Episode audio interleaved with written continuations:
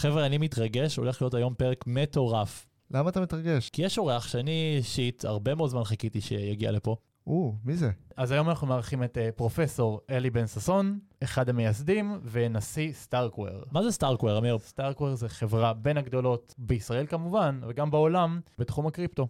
חברה ישראלית. ישראלית, חברת יוניקורן, מייצרת טכנולוגיה מאוד מאוד מעניינת. הפרק כנראה יהיה טיפה טכני יותר, ויתמקד ב- בנושא של uh, סקלביליות, בהמשך ל- לפרק שהיה לנו בעונה הקודמת.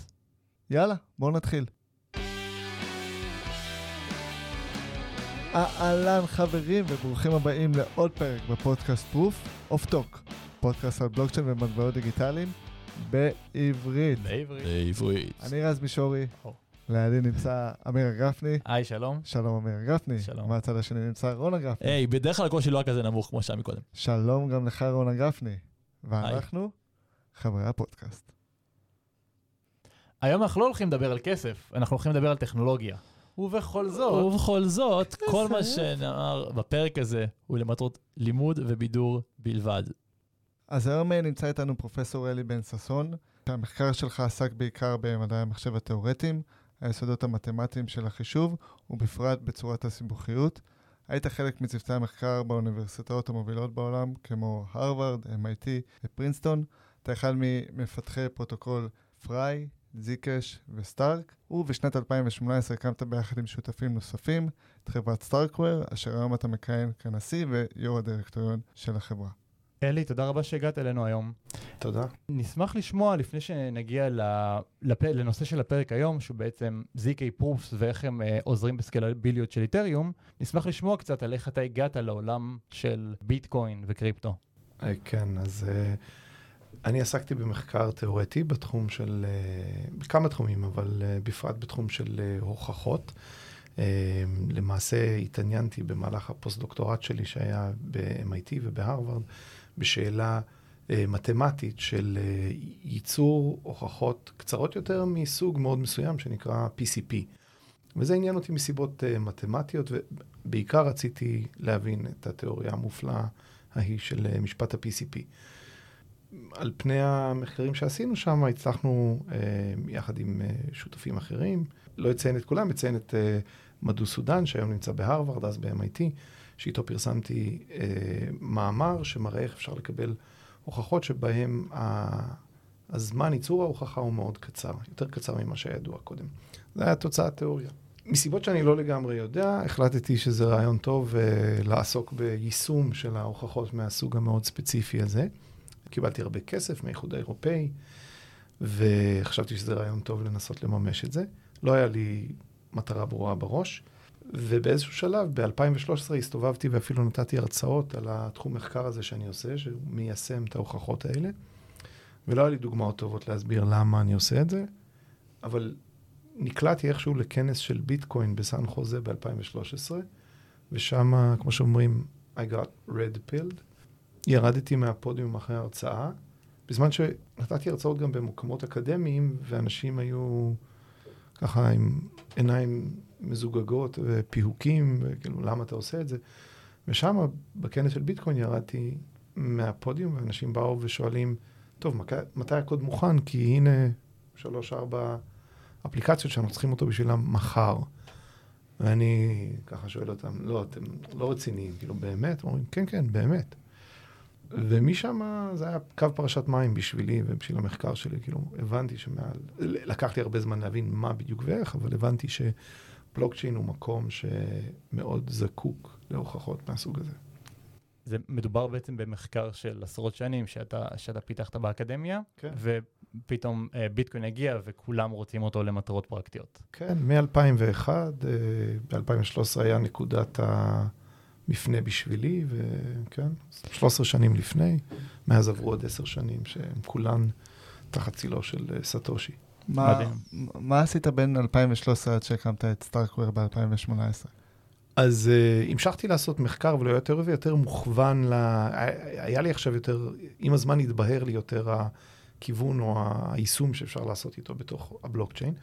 אז כבר ב-2014, יחד עם... Uh, שותפים פרסמנו מאמר שנקרא Zero Cash, שהראה אפשר להשתמש בתכונת הפרטיות, ה-Zero Knowledge, בשביל בעצם לעבוד מעל בלוקצ'יין, שבו כל המידע גלוי לכולם, ובכל זאת אה, להסתיר מי משלם, מי קיבל ומה סכום התשלום.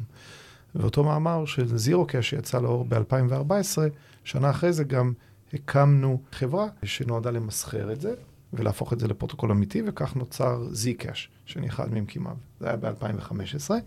בין לבין ניסיתי בעוד, לעוד איזה שנה וחצי למסחר את הטכנולוגיה היותר מתקדמת, אז עדיין לא קראתי לה סטארק, אבל כן היא הייתה לי בראש פחות או יותר, וזה לא כל כך הצליח, זה היה אז עוד איזה שנה וחצי. וב-2017, אה, עם רוח גבית מאוד חזקה מזי-קאש ועם אה, כמה פריצות דרך, כמו פריי ועוד כמה דברים, יצאנו לדרך שוב אה, בסוף 2017 עם סטארקוור. אז בעצם המחקר הזה התפתח למה שנקרא סטארק, נכון? נכון. אם תוכל להרחיב על מה זה בעצם סטארק. כן. אז קודם כל, מערכות הוכחה, מה שלפעמים מכנים, לפעמים גם בצורה שגויה, Zero Knowledge Proofs, כי חלקן לא Zero Knowledge, אבל כל התחום הזה של הוכחות הוא טכנולוגיה או אמצעי, שהמטרה שלו היא אחרת. המטרה היא לא להוכיח דברים. המטרה היא יושרה. אנחנו רוצים לדעת שדברים מתבצעים כמו שהם אמורים להתבצע. יש הגדרה יפהפייה של הסופר C.S. לואיס, שאמר, הגדיר, integrity means doing the right thing even when no one is watching. או בעברית, לנהוג עם יושרה זה לעשות את הדבר הנכון אפילו כשאף אחד לא צופה בך. אז כל הטכנולוגיה של הוכחות, מה שהיא מדלברת, מה שהיא בעצם משיגה, זה יושרה, גם בסיטואציות שבהן אין לנו שום הנחות אמון ביחס לגורם שהוא אמור לעשות את הדבר הנכון בלי שאנחנו מסתכלים. עכשיו, יושרה זו תכונה מאוד נאצלת, שכולנו מצפים לה אצל חברות ובני אדם שאנחנו מתעסקים איתם. והצורה הספציפית שהטכנולוגיה שלנו עובדת, היא שהיא משיגה יושרה דרך ייצור ווידוא של הוכחות. כלומר, כאשר אנחנו מבקשים ממישהו לבצע חישוב, אנחנו מצפים ממנו שכדי שישכנע אותנו שמה שהתבצע, יתבצע נכונה, הוא יפעיל איזשהו תהליך של ייצור הוכחה, ואנחנו נבדוק את ההוכחה. ורק אם ההוכחה, או שבדקנו אותה, נראית לנו בסדר, אז אנחנו מקבלים את הטענה. אז טכנולוגיה היא טכנולוגיה שמדלברת יושרה. Mm-hmm. עדיין לא עניתי על מה סטארק, זאת אומרת, כל המערכות הוכחה, הם, זה מה שהן מדלברות, הן מדלברות יושרה, בין אם מדובר על זירו נולדג' ובין אם מדובר על סטארקים או על מערכות אחרות. ראשי התיבות ספציפית של סטארק, האות S אה, היא מייצגת, או ההגדרה שלה זה סקיילבל, שפה זה אומר שזמן ייצור ההוכחה הוא מאוד מאוד יעיל, הוא למעשה כמעט אותו זמן כמו שדרוש, פשוט בשביל לבצע את החישוב עצמו, אה, באופן יותר פורמלי, זה אם זמן, ייצור, אם זמן החישוב הוא T, אז אנחנו דורשים, כדי שמשהו יהיה סטארק, שזמן ייצור ההוכחה יהיה לכל יותר T כפול פולילוגריתם ב-T, שזה אומר משהו מאוד קטן. זניח. זניח. יחד עם זאת, עוד דבר צריך לקרות. כלומר, לא מספיק שזמן ייצור ההוכחה יהיה יעיל, צריך שזמן וידוא ההוכחה יהיה אקספוננציאלי מהיר יותר מ-T. כלומר, הוא יהיה לוגריתם מעצמו ב-T. Mm-hmm. מערכת הוכחה שמקיימת את שתי התכונות האלה היא סקיילבל. T זה טרנספרנט, שקוף, וההגדרה המתמטית של זה אומרת שכל המידע שמגיע מצד המוודא בתהליך וידוא ההוכחה הוא פשוט הטלות מטבע פומביות, שאפשר לעשות אותן לעיני כולם. ובפרט זה אומר שלא צריך uh, כל מיני uh, טקסים, uh, צורכי אמון של ייצור מפתחות וכולי, אין מפתחות, הכל נעשה פתוח וגלוי לחלוטין, ויש לזה השלכות מאוד משמעותיות על מידת האמון והבטיחות של המערכת הזאת. Uh, והשלוש אותיות האחרות, ARK, argument of knowledge, לא ניכנס לזה. אוקיי. אני מניח שאפשר לדבר על, ה, על המילה סקיילבל, אנחנו בעצם רוצים לפתור את, את הבעיה ש, של הסקיילביליות, אה, נכון. באיתריום ספציפית. נכון. תוכל אולי לתת כמה מילים על הבעיה? דיברנו על זה בעבר, בעונה שתיים, על אה, בעיות סקיילביליות, עשינו אינטרו, אבל נשמח לשמוע ממך הסבר על כן. הבעיה. בלוקצ'יין הוא טכנולוגיה שהוא איזושהי פלטפורמת חישוב, אז מין מחשב כזה. שאפשר לדמיין אותו כמו מין מחשב כזה, שהוא בכל פרמטר אפשרי, למעט אחד, הוא מחשב uh, מאוד uh, דפוק. הוא מאוד איטי, הוא מאוד יקר, uh, ומצד שני יש לו ביקוש מאוד אדיר. המון אנשים רוצים להשתמש בו.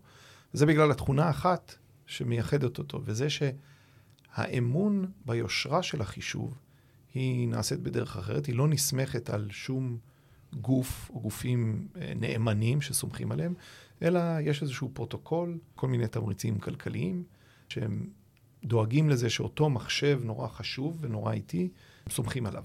ולכן, על אית'ריום, גם על ביטקוין ועל בלוקצ'יינים אחרים, למרות שהם איטיים, אה, נשמר ערך כלכלי רב. כל מי שיש לו אית'ריום אה, יכול למכור אותו תמורת דולרים או שקלים בסכום שידוע. אז אנשים מאוד סומכים על הפלטפורמה הזאת, אבל מצד שני היא מאוד איטית. אפשר לשאול, למה היא איטית? למה אי אפשר, זאת אומרת, כל מחשב, דור חדש שיוצא, הוא פי עשר יותר מהיר, אז למה אי אפשר שאית'ריום פשוט יהיה פי עשר יותר מהיר, או אם עברו שנתיים? למעשה אית'ריום כבר קיים שמונה שנים, מאז 2015. אז למה הוא לא פי 100 או פי אלף יותר מהיר משהוא היה בתחילה? Uh, התשובה נעוצה באותה הנחת מוצא או באותה דרך שבה מתקבלת יושרה. כי היושרה מעל בלוקצ'יין מתקבלת על ידי זה שאיזשהו עיקרון אינקלוסיבי כזה, כלומר כולם מוזמנים, שיתופי, כולם מוזמנים לקחת את הלפטופים שלהם ולצרף אותם לרשת הזאת ולוודא ולהיות חלק מהפרוטוקול. כדי שזה יקרה צריך שקצב הטרנזקציות וקצב החישוב יהיה נמוך מספיק כדי שכולם יוכלו עם לפטופים יחסית אה, זמינים לצרף אותם לדבר הזה. ברגע שנגביר את הקצב בצורה מאוד גדולה, אז אנחנו נתחיל לקבל הדרה ונשירה של uh, uh, גורמים מהרשת, ומהר מאוד נתכנס למצב של ויזה או איזשהו בנק, זה בדיוק מה שאנחנו לא רוצים. אז לכן יש לנו מצב שיש לנו טכנולוגיה שהיא נהדרת וכולם רוצים אותה, אבל מסיבות מאוד עקרוניות היא מאוד איטית. ולכן יש בעיה של scale. אנחנו נשמח אם אתה תוכל לפרט קצת יותר על הקמת StarkWare. בסביבות... Uh, חורף 2017, אחרי הרבה מאוד uh, מחקר שלקח את ה, אותה תיאוריה של PCP והוסיף לה עוד כל מיני אלמנטים של אינטראקטיביות וייעול. התאגדנו ארבעה co-founders, הקמנו את סטארקוור, אורי קולודני, המנכ"ל, שהוא חבר טוב שלי מזה uh, כמה עשרות שנים, ויזם סדרתי, uh, מאוד פעיל בסצנת ההייטק הישראלית. Uh, פרופסור אלכסנדרו קיאזה, שעשה הרבה מאוד מחקרים וממשיך לעשות מחקרים פורצי דרך בתחום של אה, הוכחות פרקטיות וגם תיאורטיות. ודוקטור מיכאל ריאבצב, אה, כשהקמנו את החברה הוא עדיין לא היה דוקטור, הוא אה, היה במהלך, או בשלבי סיום הדוקטורט שלו, שעשה בהנחייתי. ככה הקמנו את החברה, כי ראינו שהטכנולוגיה בשלה. אוקיי, okay, אז אתם בעצם התאגדתם והקמתם את StarkWare במטרה לפתור את בעיית הסקלביליות על איתריום. איך זה התחיל בעצם? האם לכולם הייתה את אותה תזה, שזה מה שאתם רוצים לעשות? כן, זו שאלה מצוינת. כשאנחנו התחלנו, אף אחד לא דיבר על בעיית ה scale. ב-2018, אה, אנחנו אמרנו, אנחנו הולכים לפתור scale, אף אחד לא דיבר על זה. זה לא היה... זה לא היה issue. בעצם הקדמתם את, את, את, את, את הזמן. כן, ועברנו בין כל מיני פרויקטים ובלוקצ'יינים, ואמרנו להם, תקשיבו, חברים, אם הדבר הזה יצליח כמו שאנחנו מצפים שהוא יצליח, אין פה מספיק... אה, עניין.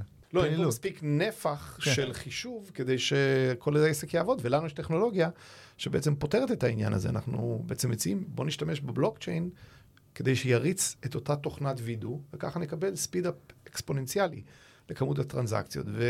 והיה מעט מאוד עניין בזה. מה שקרה היה שכמה חודשים אחרי זה היו כל מיני אירועים כמו...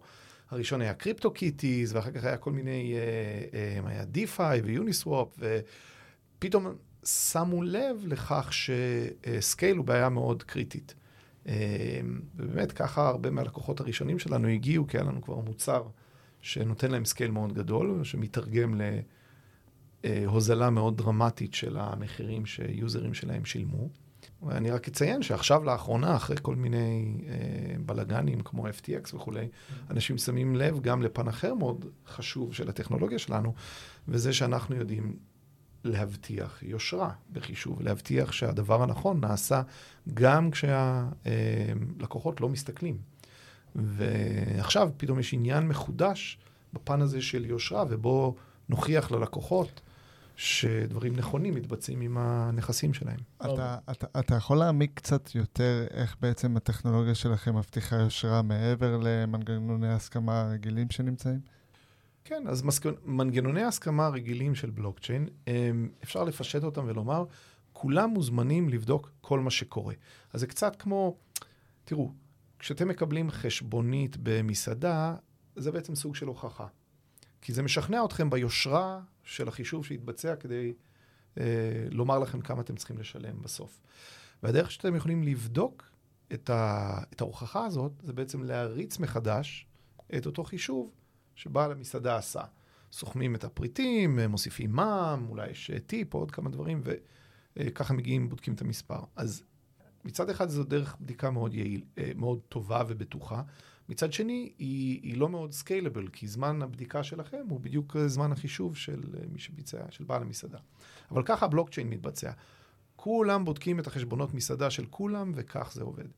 הטכנולוגיה שלנו היא בעצם דורשת ממי שמבצע את החישוב לעבוד הרבה יותר קשה ולספק הרבה יותר מידע, ואיכשהו להתחייב אליו, לשים אותו באיזה מין מעטפה סגורה שהוא לא יכול לשנות אחר כך. ואז אותו תהליך וידוא בא ודוגם באקראי כמה נקודות ועושה מין כזה מדגם אה, ביחס ליושרה של החישוב.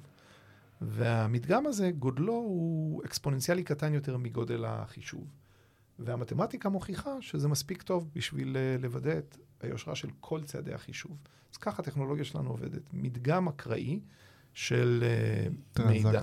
של מידע. זה לא בדיוק, זה לא כל כך פשוט, זה לא כמו, אפשר לדמיין את זה בתור, בוא ניקח מיליון טרנזקציות ונדגום עשר מתוכן. אבל אנחנו מיד רואים שזה לא, זה לא ייתן לנו יושרה, זה ייתן לנו אולי יושרה ביחס לעשר טרנזקציות. אבל מה עם כל ה-990 אלף, מה שלא יהיה, הטרנזקציות האחרות? התהליך שנעשה הוא תהליך יותר מסובך מבחינה מתמטית, יש איזושהי התמרה, איזושהי אה, צפינה של אותן, אה, נגיד, מיליון טרנזקציות בצורה כזאת שמוסיפה הרבה מאוד יתירות, משהו כמו הרבה ככה ספרות ביקורת או כאלה דברים, כך שאחר כך תהליך הדגימה אה, מספיק לדגום משהו שהוא כמו עשר טרנזקציות מבחינת כמות המידע, אבל העשר טרנזקציות האלה, או המידע הזה שהוא כמו לקרוא עשר טרנזקציות, מעיד על היושרה של כל אותן מיליון טרנזקציות. ויש פה קסם, זה לא... ממש קסם. נשמע כן. ככה. מעניין. אז זה, אוקיי, אז זה בעצם הקסם שגורם לה, להוכחה להיות הרבה יותר מהירה, מה, לוולידציה, סליחה, להיות יותר מהירה מההוכחה. כן. מעניין. אני רוצה שנייה, לפני שנתקדם ל... בדיוק למוצרים שמאפשרים את המתמטיקה הזאת, מה שאתה אמרת לפני רגע על, אה, על הסיפור עם FTX, דיברנו בפרק קודם, על מה שקורה עכשיו עם הוכחת רזרבות. נכון. Uh, ל-Centralized Exchanges, האם זה משהו שאתם יכולים בעזרת הטכנולוגיה לשפר? כן, ויש בזה גם הרבה עניין. בעצם בעקבות אותה אה, מפלה קטסטרופלית של FTX, שבה בגדול לב הבעיה הייתה ש-FTX אמרו משהו אחד, אבל נהגו בלי יושרה. כן. הם לא עשו את הדבר שמצפים מהם ואת הדבר שהם הצהירו שהם יעשו. הם לקחו כספים של לקוחות, שאמרו שהם ינהגו איתם בצורה א', והשתמשו בהם למטרות אחרות שלא היו אמורים להשתמש בהם. אוקיי. בעקבות זה, הרבה ממה שהתעשייה אה, מנסה לעשות, תעשיית הקריפטו, זה להגיד, חברים, אצלנו זה עובד אחרת. אנחנו נתקין משהו שהוא כמו גלה ישן. מה הכוונה? פעם בחצי שנה או בכמה חודשים אנחנו נזמין איזשהו גוף חיצוני שיבוא ויסתכל ויראה את מצב ההתחייבויות שלנו, מצב הנכסים, ויוודא שהכל נעשה תקין. עכשיו, זה טיפ-טיפה כמו גלה ישן שמופעל פעם בשישה חודשים. כלומר, אה, אבל נגיד שהוא גם יכול לגלות אם היו שרידי אש. אז באמת, אם הדלקת אותו והיה אש אה, לא מזמן, אז הוא יגיד לך, כן, הייתה פה שריפה, משהו לא תקין קרה. אתם מבינים, אני, אני קצת מדבר על זה בצורה צינית, בגלל שכמובן מה שאנחנו רוצים זה למנוע את השריפה, ולא לדעת כמה חודשים אחרי שהיא קרתה. אה, וכאן, הרי מה הטכנולוגיה? הטכנולוגיה שלנו עושה משהו הרבה יותר טוב. הטכנולוגיה שלנו אוכפת באמצעות הבלוקצ'יין את היושרה. כלומר, אם SBF היה בא ואומר, חברים, כל פעם שאני עושה, שסוחרים אצלי בבורסה, אני מייצר הוכחת סטארק. אגב, כמו שמתחרים שלו עושים, שעובדים מעל הפלטפורמה שלנו, והמצב המערכת לא יכול להתעדכן, אלא אם כן אותו מוודא שרץ על הבלוקצ'יין, מוודא שההוכחה היא בסדר. אז הוא לא היה יכול לעשות את כל אותם אה, דברים שהוא עשה. אז לנו יש טכנולוגיה שהיא בפרט גם משמשת כגלה ישן, שפועל תמידית. אבל זה הרבה יותר טוב מזה, זה כמו, אה, אנחנו המאזינים לא שומעים, אבל אנחנו יושבים פה בתוך בניין מבטון, חדר מבטון. אז חדר מבטון, למיטב ידיעתי, לא יכול לבעור. אתה רוצה מבנה שלא יבער ולא גלה ישן. אז כן, הטכנולוגיה שלנו הרבה יותר אה, חזקה במובן הזה. אני עכשיו חברת סטארט-אפ, מתכנת, מישהו שעכשיו רוצה לבנות אפליקציה מבוזרת, נגיד על איתריום, אבל מאוד שומע את הרעיון פה, ומשוכנע, אני רוצה עכשיו לבנות על סטארקנט. המתמטיקה מעניינת אותי, מה אני עושה פרקטי, איך אני מקבל את היתרונות של המוצרים שלכם בעצם. אוקיי, אז uh, אם היית מדבר איתנו לפני שנתיים, היינו אומרים, טוב, תקשיב, אתה צריך לדבר איתנו, להסביר מה האפליקציה שלך עושה. אנחנו צריכים לקחת את כל הידע המתמטי שלנו, לשבת הרבה מאוד זמן, לתכנן מערכות של פולינומים מרובי משתנים, לבנות מערכת מאוד מאוד מסובכת ש... שייקח הרבה זמן. אבל מה שקרה, פיתחנו שפת תכנות בשם קיירו, שמנגישה את כל הטכנולוגיה שלנו. בצורה כזו שהיום אה, מפתחים שבאים ורוצים להשתמש ביכולות scale האלה, אנחנו אומרים להם, חברים, תקישו בגוגל אה, Cairo, Stark, תגיעו לאתר, תורידו שפת תכנות, שהיא מה שנקרא Turing Complete, אפשר לפתח איתה כל דבר, תכתבו את החוזה החכם שאתם רוצים, ואתם יכולים גם לעשות לו deployment על רשת שהיא פועלת על הטכנולוגיה שלנו, נקראת Starknet, ולמעשה כל עדכון למצב של אותה מערכת, או למצב של החוזה החכם שלכם, חייב יהיה להיות מלווה בהוכחת STARK, שתוודא על Ethereum. אז אתם מקבלים את כל הבטיחות של Ethereum, עם כל ה scale האקספוננציאלי שהטכנולוגיה של STARK נותנת. ואני יודע שיש לנו uh, בקהל מפתחים ב Solidity. מה המחשבות שלכם לגבי נקודות חיכוך לחבר'ה שמפתחים ב Solidity? אוקיי, okay. אז uh, קודם כל יש לפחות שני מוצרים היום שהם מאפשרים לקחת קוד סולידיטי קיים ולהמיר אותו, או לקמפל אותו, או להריץ אותו מעל סטארקנט. אחד נקרא וורפ, וורפ, mm-hmm. כמו מסרטי המדע הבדיוני, WARP, אה, של חברה שנקראת Nethermind. השני הוא פרויקט שצמח תוך חודשיים אה, ונקרא קקרות, זה על שם של איזושהי דמות... דרגון בולזי. מה? מדרגון בולזי, לא? אני לא... הדור שלנו חושב שכן, אבל... כן, אני יותר מדי בומר, אז מאיזושהי דמות מצוירת, מאוד פופולרית. כן. אבל בשני הפרויקטים האלה אפשר לקחת את הקוד סולידיטי ולגרום לו לרוץ מעל, בעצם מעל סטארקנט. הדרך היותר טובה היא כנראה לכתוב מחדש ב Cairo, בדיוק שבוע שעבר, הוצאנו לאור את, את uh, השפה העילית שנקראת Cairo 1.0, שהיא מאוד דומה ל Rust. זה כנראה אפילו יותר נוח בטווח הבינוני והארוך לכתוב בשפה הזאת לבלוקצ'יין מאשר על Solidity. כרגע זה עדיין קצת מוקדם, הוא צריך uh, עוד קצת tooling ועוד קצת uh, uh, תוספות, אבל באופן כללי, uh, שפות שהן קצת יותר, נגיד מגיעות מאוחר יותר, אז הן יכולות ללמוד משפות מוקדמות יותר, כאן יש גם, גם לומדים מ... סולידיטי גם לומדים מראסט, והם מקבלים שפה שהיא מאוד מוצלחת גם לפיתוח. בתור מישהו שלא בא מעולם התכנות, למה בחרתם ליצור שפה חדשה? כן, אז הסיפור של לידתה של קיירו, של שפת התכנות הזאת, הוא מאוד מעניין. כמו שאמרתי, בתחילת הדרך, אה, פשוט ישבנו וכתבנו ביד אה, בעצם את, ה, את המערכות סטארק עבור אה, מקרים ספציפיים שרצינו לטפל בהם. וזה מאוד מסובך, זה מערב הרבה מאוד מתמטיקה, צריך לייצר כל מיני אילוצים, אה, פולינומיים. זה, זה קצת מזכיר אה, לבנות חישוב באמצעות אה, השמה של שערי נאנד וקישור של הקשתות ביניהן. מאוד לואו לבל. בדיוק, כן. מאוד לואו לבל. אז זה אפשרי, אבל זה מאוד מאוד מפחיד, וזה לא סקיילבל לבני אדם, בסדר? ואז כמה חבר'ה מאוד... מוכשרים ויצירתיים אצלנו, בראשותם של ליאור גולדברג ושחר פפיני, אמרו, רגע, שנייה, בוא נכתוב אולי אה, אה, איזשהו מין מעגל קטן, או אוסף אילוצים קטן, שהוא מצד אחד מאוד מאוד קטן, אבל הוא, הוא בעצם מאפשר לממש אה, CPU כללי, משהו שהוא Turing Complete, וגם בנוי נכון, ויש לו כל מיני תכונות נחמדות. אמרו ועשו. ואז, אז, אז זה התחיל בתור כלי פנימי, שיקל עלינו לכתוב uh, את אותן לוגיקות שהלקוחות שלנו רצו. השלב הבא היה שהבנו שיש פה משהו שגם אחרים יכולים להשתמש בו, שהוא מספיק יעיל. אז התשובה לשאלה למה המצאנו את קיירו, זה קודם כל, זה נוצר כצורך פנימי. והאילוץ המרכזי, אתם יודעים, כל שפת תכנות, יש לה כל מיני אילוצים שהיא נועדה לספק אותם. אז במקרה שלנו, האילוצים הם אילוצים שקשורים לעולם המתמטי של ייצור הוכחות.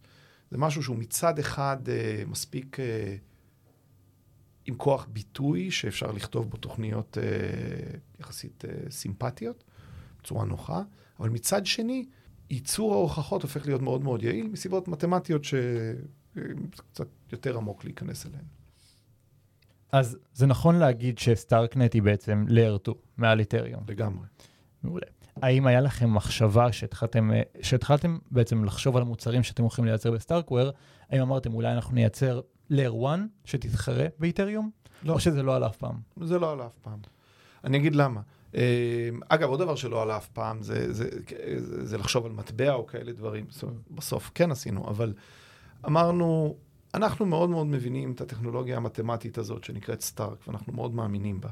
אז גם כך מדובר על אתגר טכנולוגי ומדעי ופיתוחי ממדרגה ראשונה, רק לקחת את הטכנולוגיה הזאת ולעשות איתה משהו ולגרום לה לעבוד. אז אמרנו, מה אנחנו צריכים ולמה ומה התועלת עכשיו בלקחת ולהוסיף לעצמנו עוד, אה, אה, עוד מכשלות, כמו למשל לפתח אלגוריתם קונצנזוס ול-layer 1 ולדאוג ל network effect. עוד דבר היה, אמרנו, רגע, זאת טכנולוגיה שפותרת את בעיית ה scale, אז בואו נלך למקום. אנחנו עדיין מאמינים שכל מקום שירצה scale מעל בלוקצ'יין, בסופו של דבר ימצא את עצמו משתמש ב STARK. גם ביטקוין וגם מקומות אחרים, והיינו מאוד שמחים אם ביטקוין היה אה, פוליטית מקבל את ההחלטה בזמן קרוב לעשות את זה. אז איך שאני רואה את זה, בסופו של יום, כל הבלוקצ'יינים ישתמשו בסטארקים. אז למה, זאת אומרת, למה ללכת ולהמציא משהו חדש? כן, תתמקדו באיפה שאתם אה. הכי חזקים. אני מניח שעכשיו האקוסיסטם גדל. אני אשמח לשמוע איזה מוצרים אתה מאוד מתעניין, שבעצם בונים על Starknet. כרגע מה שבונה על, או סוג האפליקציות שאנחנו רואים שבונים על Starknet, חלק מאוד גדול מהן הוא בעצם אפליקציות שקיימות גם על אית'ריום uh, ומקומות אחרים, למשל AMM, זאת אומרת, Market Makers, Exchanges למיניהם, uh, משחקים וכן הלאה. זה מה שכרגע רואים. Uh, יש עוד קצת דברים כמו voting ו-proof of humanity ועוד כל מיני דברים. זה נראה לי טבעי שזה צעד ראשון, שאנשים אומרים, אוקיי, בואו ניקח דברים שכבר עבדו מעל layer 1 וננסה אותם שם. אבל הדבר שבאמת אה, מסעיר אותי ו- וככה אה, מגרה את הדמיון הוא, ברור שהקילר אפ של סטארקנט, שבו יבוא, יהיה משהו ש... שאנחנו לא, שאני לא מסוגל לדמיין אותו. והסיבה שאני אומר את זה, זה כל הקילר אפס והדברים האדירים שצמחו אי פעם על אית'ריום. לא רק שלא חזיתי אותם, כשסיפרו לי שהם עכשיו זה קורה, אמרתי, מה, כאילו, כן. מה, מה, מה קורה כאן? למשל, CryptoKitties, NFT ו-DeFi Summer ו Uniswap. אז ברור לי שככה גם יקרה מעל Starknet. אז מדברים על ה ecosystem, יש לכם בעצם כנס שהוא קורה בתחילת פברואר, זה מה שנקרא ETH TLV. אני אשמח לשמוע על הכנס. כן, אז זה כנס שהוא מאוד חשוב לנו ומאוד חשוב ל ecosystem. ובעצם, אני חושב שהדבר שהכי מאפיין את סטארקוור, גם באופן מהותי וגם באיך אנחנו נתפסים באקוסיסטם, זה המצוינות שלנו. כלומר, המצוינות האקדמית, הטכנולוגית, אנחנו יודעים שכאשר אנחנו אומרים שנעשה משהו, נעשה. כשאנחנו אומרים שמשהו יקרה במועד מסוים, קורה במועד שאמרנו, זה מאוד מפתיע, כי בעולם של בלוקצ'יין אנחנו רגילים להבטחות סרק. העניין הזה של המצוינות ישתקף שם, אז בין השאר יהיו שם דוברים מבכירי האקדמיה בעולם, שגם באופן משמח הרבה מהם ישראלים. פרופסור שפי גולדווסר, שזכתה בפרס טיורינג על המצאת Zero Knowledge Proofs ו-Interactive Proofs. פרופסור אבי ויגדרזון, שזכה בפרס אבל, מתמטיקה, לפני בערך שנה או שנתיים. פרופסור נועם ניסן, שהיה גם מאבות uh, Interactive Proofs, ועכשיו הוא בעצם האבי האלגוריתמיק מקניזם דיזיין. אריק וול, אודי ורטהיימר, כל מיני דמויות מאוד מאוד uh, מצוינות. אני חושב שהדבר הכי מסעיר שם לא יהיו ההרצאות, אלא דווקא השולחנות העגולים, שבהם uh, יהיו הרבה דיונים פתוחים על סטארקנט לאן, וסטארק טכנולוגי ו-ZKPs לאן, ואנחנו באמת מאוד מקווים לשמוע את התרומה של ה ecosystem שיבוא ויוביל, אנחנו מקבלים את זה באהבה גדולה וזו שמחה גדולה שיש כל כך הרבה מפתחים בקרב העולם רציניים שמתחברים לתנועה הזאת שהיא Starknet, או, או בכלל שימוש בטכנולוגיה הזאת. כמו שאלי ציין, הכנס Starkware Sessions 2023 קורה בחמישי ושישי לפברואר בתל אביב. מיטב המומחים בעולמות הבלוקצ'יין, איתריום, ZK Knowledge, ZK Proofs הולכים להיות שם. אנחנו הולכים להיות שם, הולך להיות ממש ממש מרתק. אז אם אתם גם רוצים ללמוד על כל הנושא הזה, קיירו, ZK Knowledge ובכללי מה שסטארקוור עושים, אתם מוזמנים. יש הנחה משמעותית למאזיני Proof of Talk, אנחנו נוסיף לינק uh, בתיאור, ואנחנו לא יכולים uh, לחכות לראות אתכם. אז אמרת בעצם סטארקנט לאן וזיקי פרופס לאן. הייתי שמח לשמוע ממך קצת אה, אולי פרדיקציה, אולי מחשבה, איפה, איפה סטארקנט נמצאת עוד עשר שנים, אה, ואיפה בכללי. הקריפטוגרפיה של זיקי פרופס. אז אני חושב שסטארקנט בעוד עשר שנים היא קודם כל, אה, כמותג, זה משהו שהוא מוכר בכל העולם, כבעצם פלטפורמה שנותנת אמון ומשתמשים בה להרבה מאוד uh, פונקציות חברתיות. ברור שלדברים כמו תשלומים ולשמירת ערך ולהעברת ערך, אבל מעבר לזה, זו הפלטפורמה הנבחרת לניהול הצבעות ומשילות. זו פלטפורמה שבכל מיני כלכלות שמקרטעות, שבהן אין אמון בגורמים מרכזיים, אה, זה אחד המרכזיים, אם לא המרכזי, שפונים אליו. אז זה מבחינת השימוש וכמה זה יתקבל. וכדי שזה יקרה, זה חשוב מאוד שזה יהיה ברור גם לכולם שסטארקנט זה הרבה יותר גדול מנגיד חברה ישראלית אחת, מוצלחת ככל שתהיה. זה יהיה משהו עם גם מנגנוני משילות שקופים, פתוחים, שהם uh, מסתכלים עליהם ואומרים, ככה צריך uh, להוביל, לנהל, uh, לקבל החלטות. אז כל זה עדיין לפנינו, אבל אני חושב שזה מה שסטאגנט יהיה. וברקע, נגיד, דבר שלא הזכרתי, כי הוא כל כך ברור לי שהוא יקרה, הסקייל שיינתן על ידי הרשת הזאת, שזה כאילו הצד הטכנולוגי, הוא יהיה פשוט אה, אדיר וכמעט בלתי נתפס. כלומר, כמו, מודדים את זה ב-TPS, הוא יהיה בעוד עשר שנים, במאות אלפים, מיליונים אה, בשנייה. כלומר, הרבה יותר מגורמים אה, ממורכזים אפילו. אני חושב שמה שיקרה, בגלל שהדבר הזה יקרה, אז uh, הרבה, הרבה מהדברים שכרגע רצים על דברים ממורכזים, יעברו לשם. Uh, והרבה גורמים ממורכזים ישתמשו בפלטפורמה הזאת, גם הם. הדבר שאני הכי רגוע לגביו זה לגבי זה שהטכנולוגיה הזאת uh, תדבק. אני חושב שהאתגר הגדול של סטארקוור, נגיד כהורה של Starknet, זה להצמיח את אותה... קהילה ומנגנוני משילות decentralized uh, בצורה טובה, כדי שזה באמת יקרה. Uh, אם Starknet ייכשל, אני חושב שזה יהיה דווקא בגלל, זה לא יהיה בגלל שהטכנולוגיה לא מספיק טובה, זה יהיה בגלל שהצד החברתי-כלכלי uh, נשאר ריכוזי מדי. זה החשש הגדול ביותר שלי, אבל אני, אנחנו מודעים לו וננסה לפתור אותו. אתה נראה כמו איש של חזון, ואני מאוד מקווה שהחזון שלך יצא לפועל בסופו של דבר. כן, אני גם מקווה. טוב, פרופסור אבן ששון, תודה רבה, היה מרתק. היה מאוד מעניין. תודה. שוב תודה לפרופסור אלי בן ששון על הפרק המרתק.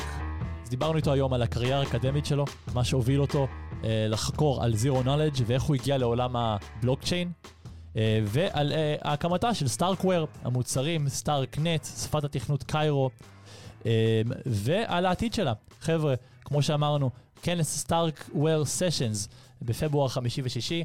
אנחנו נהיה שם ואנחנו מזמינים אתכם להצטרף אלינו, אנחנו מוסיפים קישור למטה.